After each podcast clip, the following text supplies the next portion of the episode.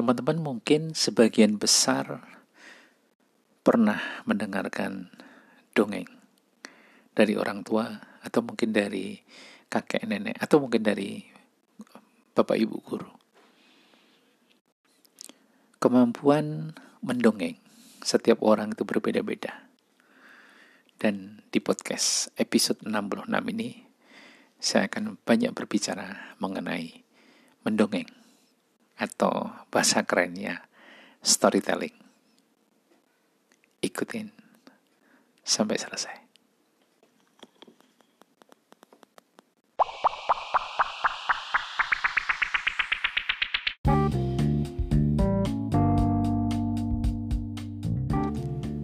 Assalamualaikum warahmatullahi wabarakatuh. Salam sejahtera untuk kita semuanya. Ketemu lagi dengan saya Mas Fasil, seorang fasilitator outbound. Seperti di opening yang tadi saya sampaikan di episode ke-67 ini, udah sampai 67 nih. Saya akan bercerita mengenai storytelling atau paling gampangnya mendongeng padahal itu uh, apa namanya uh, cukup luas sebetulnya uh, ada beberapa hal yang menarik uh, tentang masalah storytelling ini. Dan sebetulnya kalau boleh jujur di awal-awal saya masuk di dunia outbound uh, saya suka dengan metode menceritakan atau bercerita ini. Uh, storytelling seperti ini kepada peserta saya dan saya akan coba ya berbagi cerita, berbagi pengalaman mengenai masalah itu. Oke, okay, uh, eh, baik teman-teman yang um, mungkin baru pertama kali bergabung di podcast ini, podcast Mas Fasil, saya ucapkan terima kasih. Uh, ini sebetulnya podcast podcast ini adalah saya desain untuk membantu mengedukasi uh, masyarakat khususnya itu tentang outbound atau kalau bahasa kerennya adalah experiential learning. Nah, seperti itu. Belajar dari pengalaman. Ya di episode sebelumnya saya banyak sekali bercerita tentang apa itu outbound pengalaman outbound cerita-cerita seputar outbound. Selain itu juga saya apa namanya itu menyelipkan beberapa episode tentang cerita pengalaman pribadi kemudian tentang cerita-cerita inspiratif dan sebagainya ya mudah-mudahan lah uh, istilahnya itu di podcast ini teman-teman banyak bisa belajar kemudian materinya juga bisa paling tidak bermanfaat memberikan inspirasi untuk teman-teman untuk terus berkarya. Paling tidak seperti itu.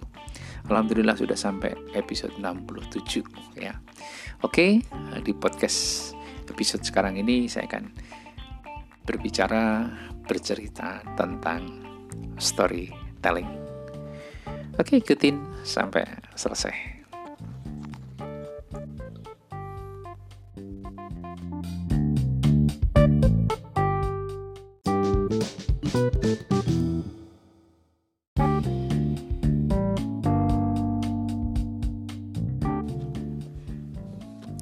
Oke, kita bicara masalah storytelling. Sebelumnya saya akan bercerita. Ini cerita ini uh, pertama kali saya dapatkan di awal saya masuk dunia outbound.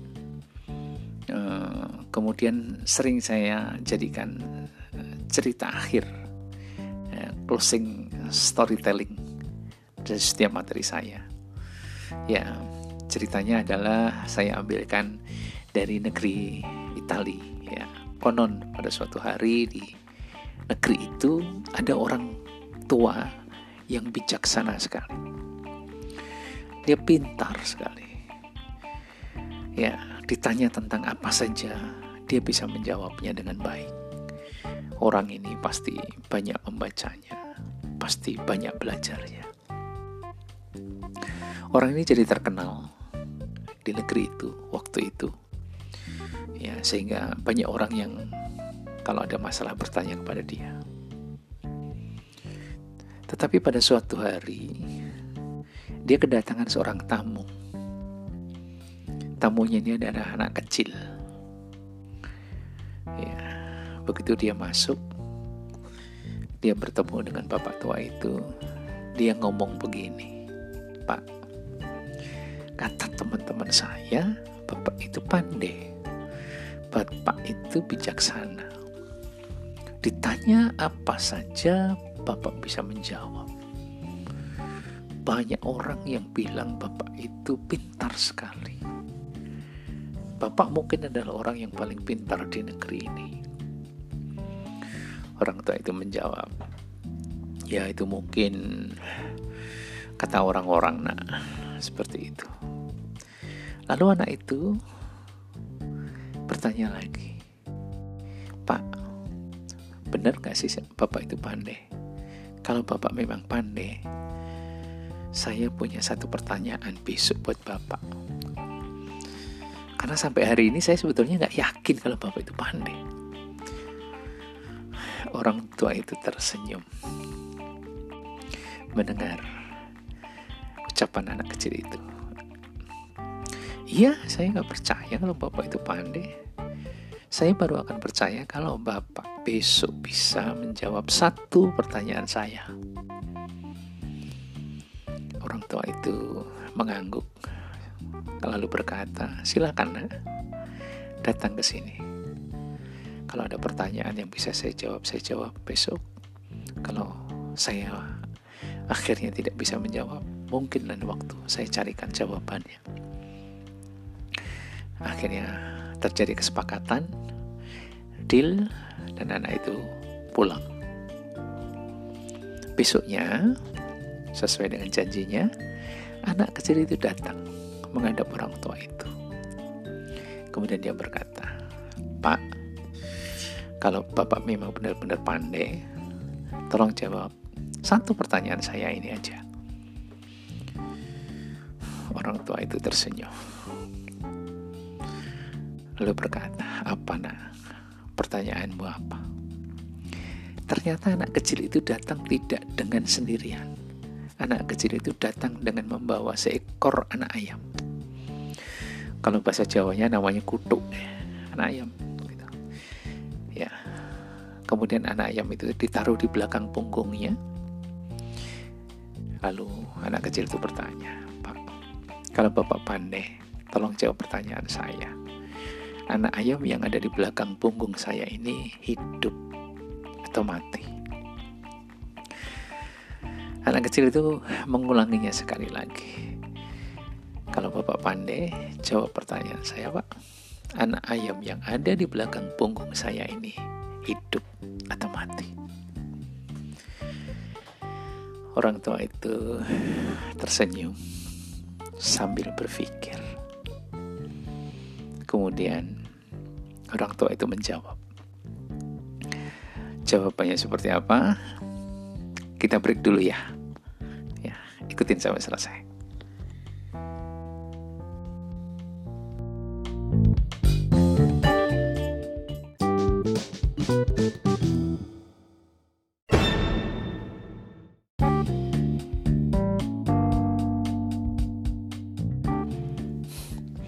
Oke, kita lanjutkan. Setelah mendapatkan pertanyaan itu, maka orang tua itu tersenyum lalu menjawab begini. Nah, kalau aku menjawab anak ayam itu mati, pasti nak tangan kamu akan melepaskan anak ayam itu dan ayam, anak ayam itu akan hidup. Tetapi kalau aku menjawab anak ayam itu hidup, pasti nak tangan kamu akan memecahkan kepala anak ayam itu dan anak ayam itu akan mati. Jadi nah, hidup dan matinya anak ayam itu ada di tanganmu sendiri. Mendengar jawaban itu, anak kecil itu tersenyum, kemudian berkata, "Sekarang saya baru percaya kalau Bapak itu memang benar-benar orang pandai dan bijaksana. Oke, teman-teman semuanya itu contoh ya, sebuah cerita ya, storytelling saya sampaikan ya dengan dengan gaya bahasa saya. Ini cerita saya ambil kemudian saya olah dan saya sering mengajarkan apa ya istilah menyampaikan hal ini seperti itu. Ini kan sebuah cerita pendek, tetapi maknanya dalam sekali. Ya, salah satunya mungkin teman-teman bisa mengambil kesimpulan bahwa kita bisa apa namanya berhasil atau tidak sebetulnya adalah nomor satu adalah kemauan kita. Kita milih berhasil atau tidak. Kalau kita milih berhasil, maka sebetulnya semua jalan itu akan dibukakan, dimudahkan bahkan. Tapi kalau kita sudah dari awal memilih untuk gagal, maka kita sendiri yang menutup pintu-pintu keberhasilan itu. Nah, teknik seperti ini itu saya suka sekali ya dan apa ya? Karena apa? Eh, selain mudah apa ya ditangkap maksudnya secara langsung ataupun makna yang lebih dalam lagi. Karena ini cerita, manusia itu kan suka dengan cerita-cerita basisnya experiential learning sebetulnya adalah menceritakan juga sebetulnya tentang pengalaman atau sesuatu yang sudah dilakukan atau di uh, apa ya dilakukan atau dirasakan oleh uh, orang itu. Lalu untuk diceritakan. Uh, kalau di dalam outbound itu ketika diceritakan dari sisi si pencerita itu adalah sifatnya adalah sebuah hal yang harus kita hormati ya. Setiap orang pasti berbeda-beda. Nanti di situ akan muncul fungsi fasilitator itu adalah mendengarkan dengan baik ya. Kemudian uh, tidak menyimpulkan bahkan kadang-kadang tetapi adalah membaginya kepada pengalaman itu kepada teman-teman yang lainnya ya. Saya sendiri juga selain storytelling saya juga dengan metafor-metafor ya yang sifatnya apa ya sederhana. Yang memang uh, apa uh, kesederhanaan itu itu sebetulnya prinsip yang saya pegang selama uh, mengajar ya uh, be, mungkin beda ya dengan beberapa teman. Ya oke okay lah nggak apa-apa. Saya juga belajar teori juga. Saya belajar misalnya kalau di outbound itu ada teori yang paling terkenal tentang siklusnya David Kolb kayak gitu ya, ya tetapi kembali lagi bahwa uh, itu bisa di create ya uh, salah satunya dengan teknik storytelling seperti ini saya banyak mengumpulkan cerita-cerita, tetapi saya biasanya menceritakan sesuatu yang terkait dengan topik saat itu. Misalnya saya ngajar tentang masalah uh, internalisasi value, maka saya akan cari cerita yang cocok di situ. Cerita mengenai masalah leadership, saya akan cari cerita yang kaitannya di situ. Dan tidak setiap cerita itu muatannya harus selalu berat seperti apa ya katakanlah yang tadi lah kayak gitu tentang kehidupan gitu. Tapi ada juga yang sifatnya muatannya ringan bahkan lucu. Ya banyak beberapa cerita-cerita yang lucu tetapi memberikan satu pesan yang dalam pun ada gitu. Jadi teman-teman semuanya uh, mungkin saat ini uh, kita butuh orang-orang yang bisa menceritakan dengan baik kondisi-kondisi yang terjadi di saat-saat pandemi seperti ini. Komunikasi saat ini itu di dalam di zaman post truth ya istilahnya itu. Itu luar biasa susahnya. Karena apa? Hoax ya berita-berita seperti itu adalah bertebaran di mana-mana. Apalagi di media sosial. Maka ya cerita-cerita yang sifatnya adalah sebuah kebenaran yang disampaikan dengan kemasan yang menarik itu mungkin akan bisa sedikit membantu mencerahkan masyarakat. Kita bisa mengedukasi tentang bagaimana sebuah kesehatan harus dijaga. Kita bisa bercerita ya dengan storytelling yang menarik ketika harus menyampaikan pesan-pesan yang terkait dengan protokol kesehatan misalnya. Kita bisa membuat cerita tentang masker misalnya, tetapi dengan cara yang lebih menarik. Ya, kita bisa menceritakan tentang kebijakan pemerintah, tentang vaksin, pemberian vaksin. Itu dengan sebuah cerita yang indah. Sehingga apa? Masyarakat akan tergerak dengan baik. Kita akan bisa menceritakan juga tentang sebuah peraturan pembatasan sosial itu dengan baik. Dan masyarakat akan bisa menerimanya dengan baik dan melaksanakannya. Ya mungkin negeri ini saat ini sebetulnya butuh orang-orang yang bisa mengkomunikasikan pesan dengan cerita-cerita seperti itu. Ya kita berharap pemerintah pun juga uh, mempunyai concern ke arah sana. Dan sehingga apa kita berharap pesan-pesan yang disampaikannya itu sampai ke masyarakat diikuti oleh masyarakat dengan sungguh-sungguh. Oke, teman-teman semuanya. Kalau saya cerita terus nanti nggak habis ya. Nanti next saya akan coba eh, cerita-cerita lagi. Ya, mudah-mudahan bermanfaat. Oke, teman-teman semuanya mengingatkan lagi.